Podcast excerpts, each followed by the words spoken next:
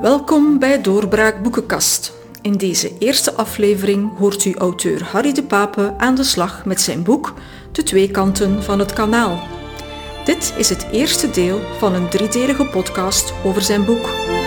In dit eerste deel hoor je hoe Keizer Brittannië binnenviel, hoe er een apart Hallo-Brits Empire ontstond en hoe in de vroege middeleeuwen de Flemings Willem de Veroveraar hielpen bij zijn verovering van Engeland.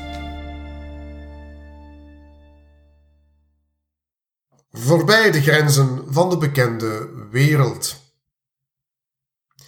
In 55 voor Christus besluit een zekere Julius Caesar om het kanaal over te steken om Britannia te veroveren.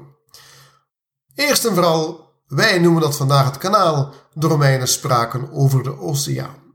We beschouwden dat eiland aan de andere kant van het kanaal als iets heel onbekends, iets heel mysterieus. Maar wat Julius Caesar wel wist, dat waren twee zaken. Ten eerste was hij ervan overtuigd dat de Britten de Galliërs waartegen hij al vier jaar aan het vechten was, dat die Britten die Galliërs steunden. En ten tweede geloofde Julius Caesar, net zoals vele andere Romeinen, dat de stranden van het eiland dat die bezaaid lagen met edelstenen. Hij vertrok vanuit het gebied wat het gebied van de Morini was en wat wij vandaag Frans-Vlaanderen en West-Vlaanderen noemen, met zo'n tachtigtal schepen en twee legioenen. Een vrij kleine vloot. Waarom met een vrij kleine vloot en een vrij beperkt aantal troepen? Omdat Julius Caesar ervan overtuigd was dat hij dat klusje nogal vrij snel zou klaren. Britannia zou makkelijk veroverd worden in de ogen van de Romeinen. Alleen viel dat nogal tegen. Toen de Romeinse schepen de witte rotsen van Doubris, het huidige Dover, naderden, was het aanzicht van het aantal opgedoken Britten zo indrukwekkend voor de Romeinen dat de Romeinse schepen niet durfden aanmeren. Blijkbaar waren de Britten dus op de hoogte van de invasieplannen van Julius Caesar.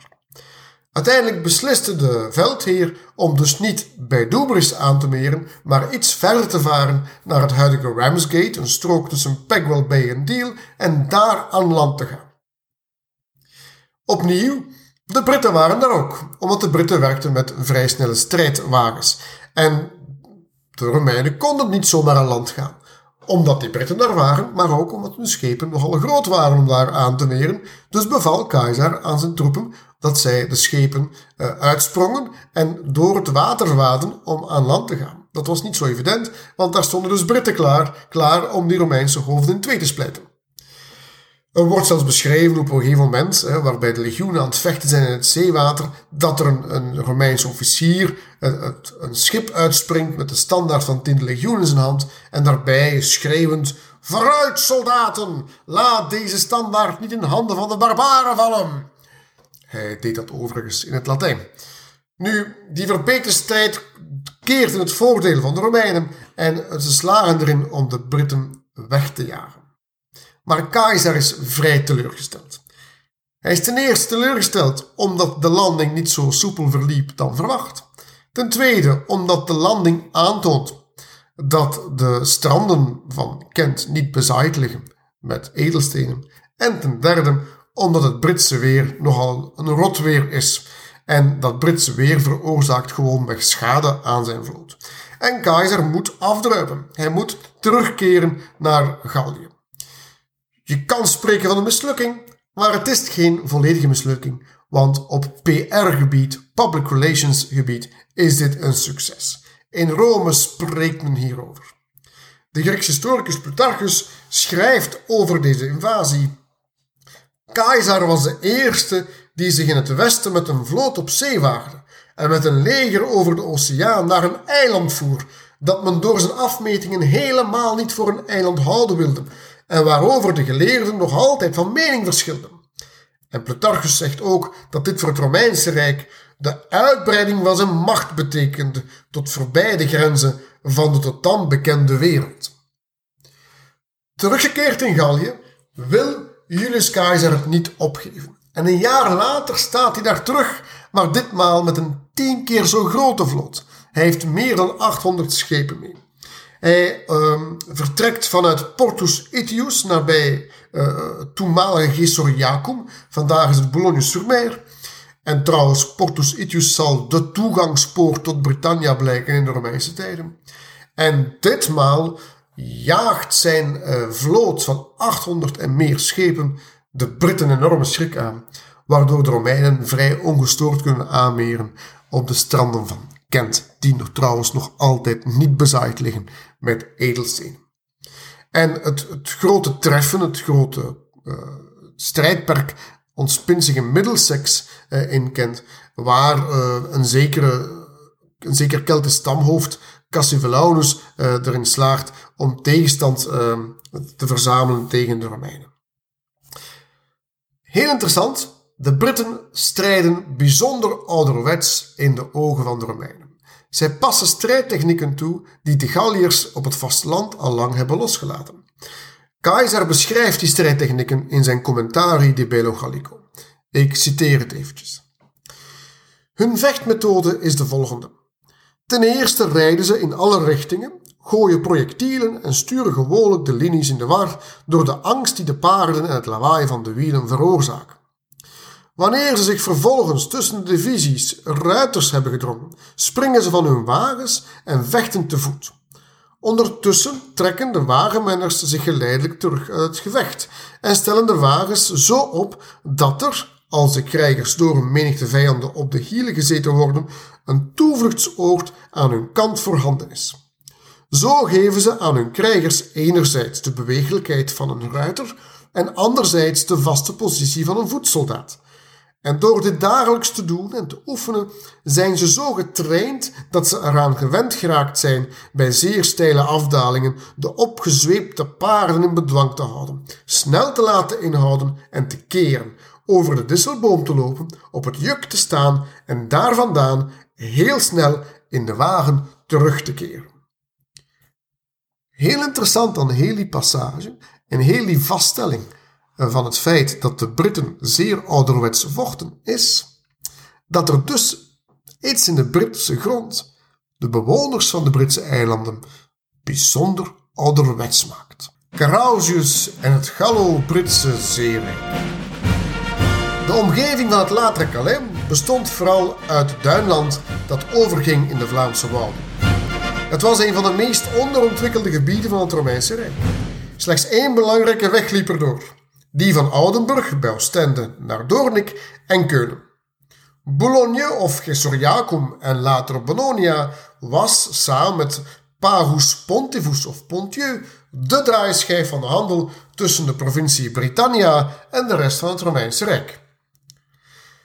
Een zekere Marcus Carausius kreeg van de Romeinen het bevel over een deel van de Romeinse vloot. Hij kreeg het bevel om Saksische piraten in de Noordzee te bestrijden.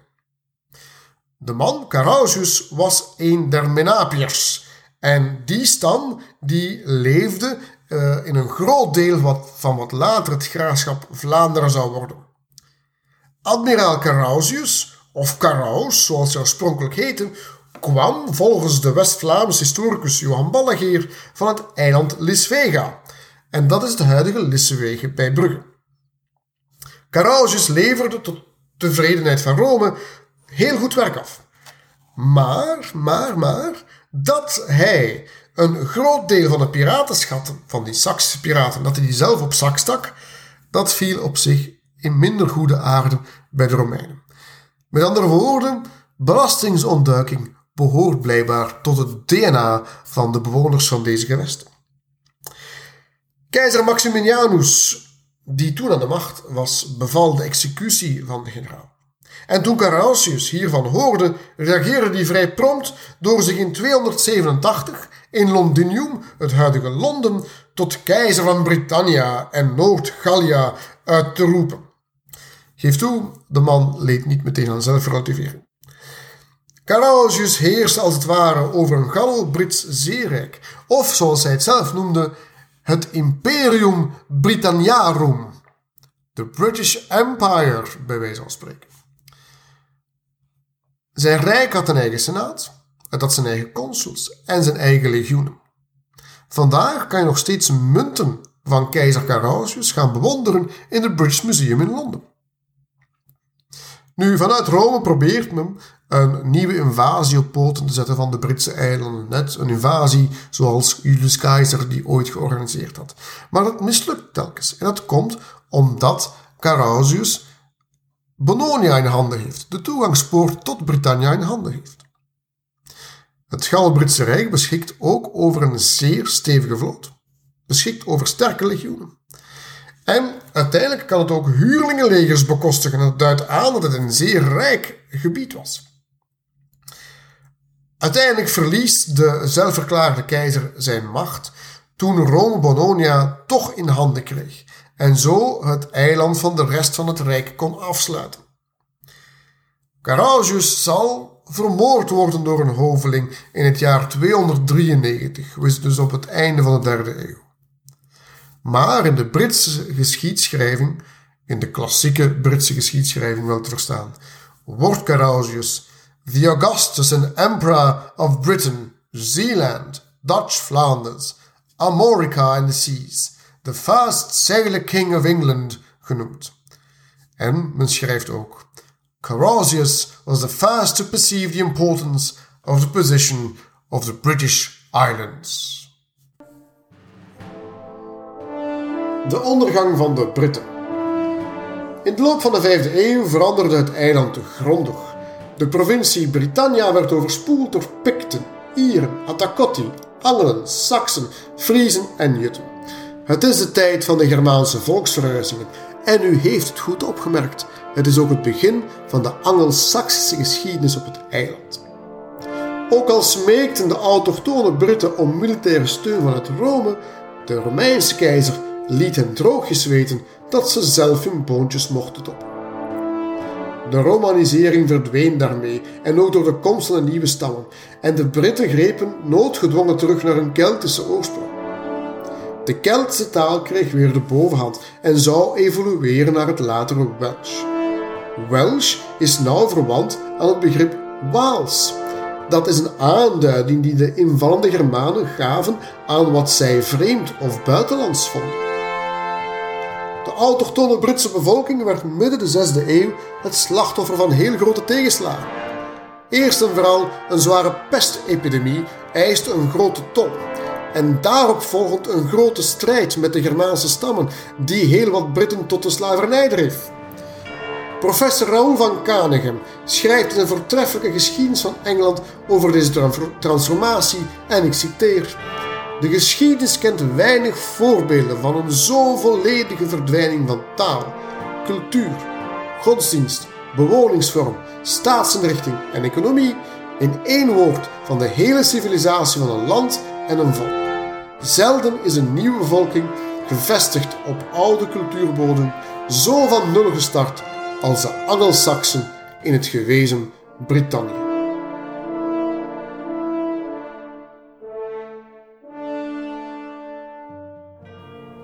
Van Noordzee tot Mare Frysicum.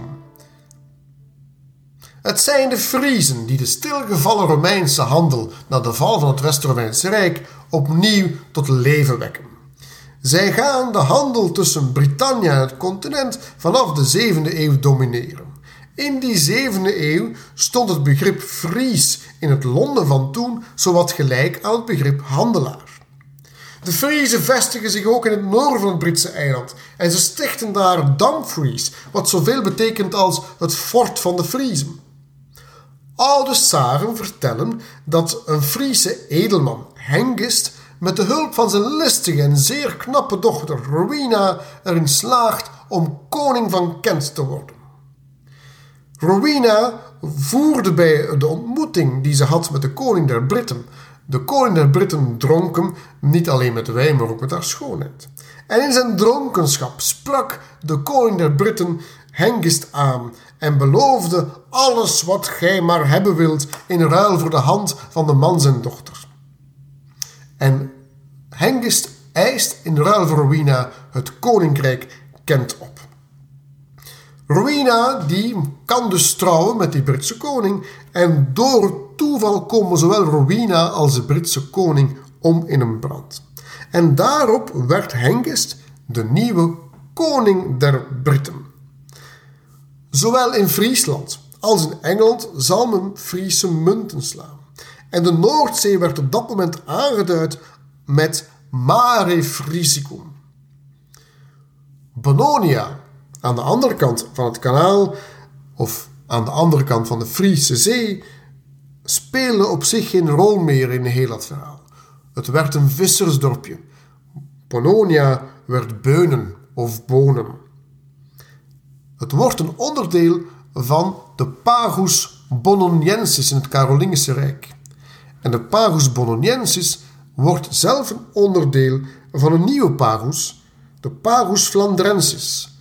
En dat zal uitgroeien tot het graafschap Vlaanderen. De slag bij Hastings. Trompetgeschal van beide zijden opende de slag, vertelt Willem van Poitiers. Het Normandische voetvolk viel aan en bracht de Engelsen met zijn werpspiezen dood en verwondingen toe.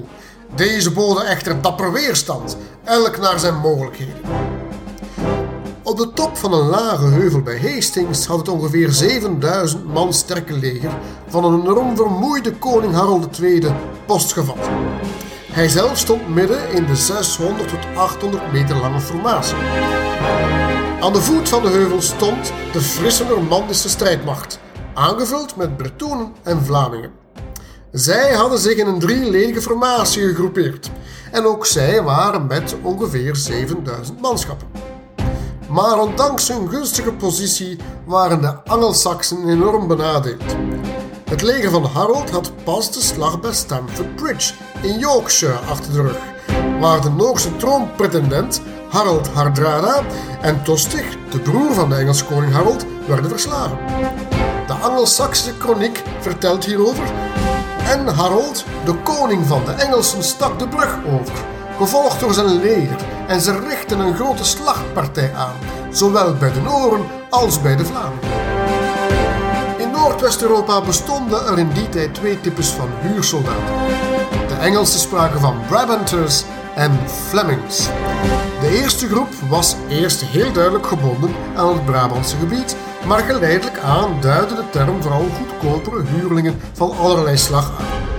De term Flemings overlapte alle soorten van huursoldaten en bleef verbonden aan het graafschap Vlaanderen, met daaraan vast Zeeland, Henegouwen, Boulogne en Artesië.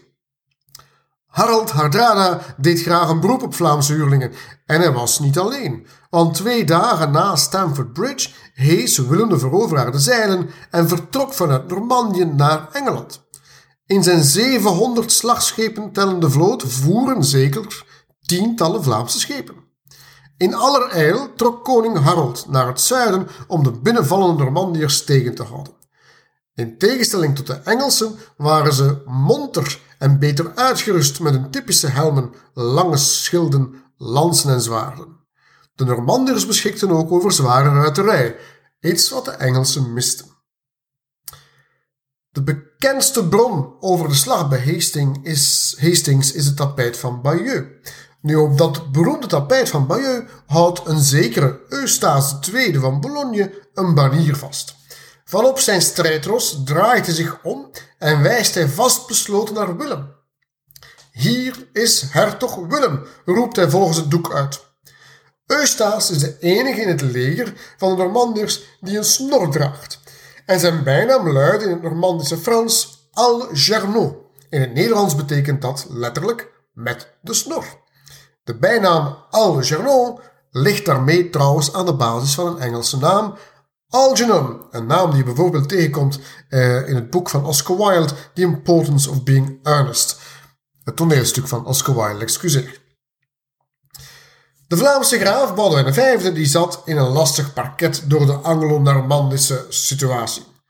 In 1060 stelde de Franse adel hem aan als mederegent van Frankrijk en plaatste daarmee de achtjarige koning Philippe I onder zijn hoede.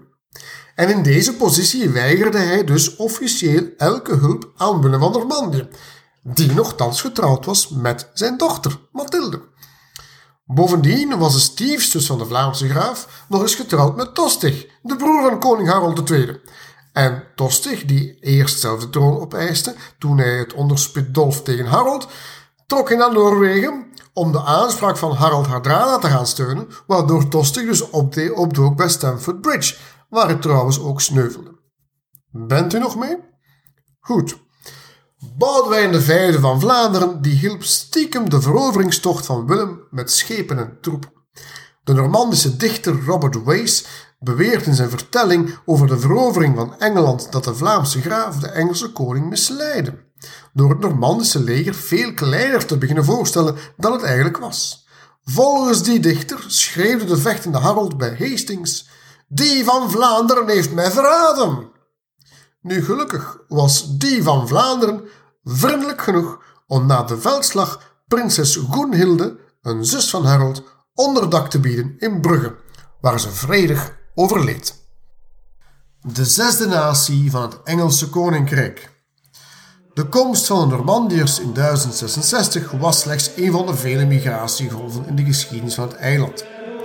Vlaamse migratie naar het eiland leek voor Hastings iets vrij uitzonderlijks. Het waren toen vooral geestelijken die de overtocht waarden. In de 10e eeuw bijvoorbeeld verbleef er een contingent Vlamingen aan het Engelse Hof. En dat waren dan monniken, wellicht verbonden aan de Gentse Sint-Pietersabdij. De Engelse kerk had immers zeer nauwe contacten met die abdij. Want de Gentse Sint-Pietersabdij was een reservoir aan kennis en geletterdheid, iets wat het eiland ontbrak. Er zijn verschillende kerkelijke teksten terug te vinden in Engeland, opgesteld door Vlaamse broeders. De tolhuizen van Londen melden rond 1002 Flemings. En dat waren dan lakenhandelaars. Vermoedelijk bestond er ook een uitgebreide slavenhandel tussen het graafschap Vlaanderen en het Engelse koninkrijk. Tussen 1036 en 1040 verbleef de Engelse koningin Emma in Brugge. Ze verbleef er aan het graaflijke hof en ze verbleef ook in Gent in de Gentse Sint-Pietersabdij. Zij was de weduwe van koning Ethelred de Ongereden en zoals zijn naam laat uitschijnen, staat hij in de Engelse geschiedenisboeken genoteerd als een mislukkeling. Emma was ook de moeder van Edward de Beleider. Dat was de man die volgens Willem de Veroveraar de Engelse kroon had beloofd aan de Normandische hertog. Ze was na de dood van Ethelred getrouwd met Knut. En dat was een Deense geweldenaar die Engeland opeiste. Hij liet ooit in Sandwich de handen oren en neuzen afhakken van Engelse gijzelaars. Geef toe, heel fijnzinnig. Zijn huwelijk met Emma diende eens en voor altijd dat Anglo-Deense conflict op te lossen. En dat lukte uiteindelijk niet helemaal, want na de dood van Knoet joeg die zijn opvolger Emma weg, zodat zij in Vlaanderen belandde. Vandaaruit planden ze een invasie van het eiland, maar daar kwam het niet echt van. Ze keerde uiteindelijk wel terug naar Engeland als Mater Regis of Queen Mother. De Vlaamse steun bij de verovering van het eiland in 1066 legde de Vlaamse adel uiteindelijk geen windeieren. Willem de Veroveraar liet in 1086, zo'n 20 jaar na de verovering, het Doomsday-boek opstellen. Koninklijke controleurs trokken door het land om de bezittingen van de onderdanen minutieus te noteren in het Doomsday-boek. Dit uitgebreide kadaster diende de koning te helpen bij het innen van belastingen. Het Doomsday-boek noemt 15 Vlaamse leenmannen die 760 landerijen bezaten, verspreid over, en houdt u vast, Bedford, Berkshire, Buckingham, Cambridge, Derby, Devon, Dorset, Essex, Gloucester, Hampshire, Hertford, Huntingdon, Kent, Leicester, Lincoln, Middlesex, Norfolk, Northampton, Nottingham, Oxford, Rutland, Somerset, Suffolk, Surrey, Warwick, Wiltshire en York.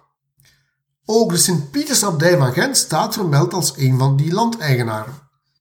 Meer dan 4% van de opgesomde rijkdommen in het Doomsday-boek was in handen van figuren uit de lage landen. En de grootste verdiener van de groep was, niet geheel verrassend, Eustace II van Bologne, de man met de snor. Zijn vrouw, Ida van Bologne, beheerde zelfstandig nog andere domeinen. Samen behoorden zij tot de top van de nieuwe adel na de verovering. Gilbert van Gent, de zoon van de heer van Aalst, was tot gouverneur van Jook benoemd. Gerbot van Oosterzelen en Scheldewindeke werd de eerste graaf van Chester. Maar de Engelse en Welsche bevolking kwelde hem zodanig dat hij terugkeerde naar Vlaanderen. Nog zo'n pechvogel was Robert van Komen. Willem de Veroveraar had hem benoemd tot Earl of Northumberland, maar kort na zijn aanstelling werd hij door de bevolking van Durham omgebracht. De luikenaar Walcher die besteeg in Durham de bisschopstoel. En hoewel hij een hofhouding had van zeker honderd Fransen en Vlamingen, belet dat de bevolking van Durham niet om ook tegen hem in opstand te komen. Heel vaak brachten deze edellieden legertjes mee naar de gebieden die hen toegewezen werden. Robert van Komen kwam bijvoorbeeld in het gezelschap van 900 soldeniers, hoewel het niet echt geholpen heeft. Er werd ongetwijfeld van hem verwacht, van die soldeniers, van die bezettingstroepen, om de Normandse te verzekeren door hun aanwezigheid.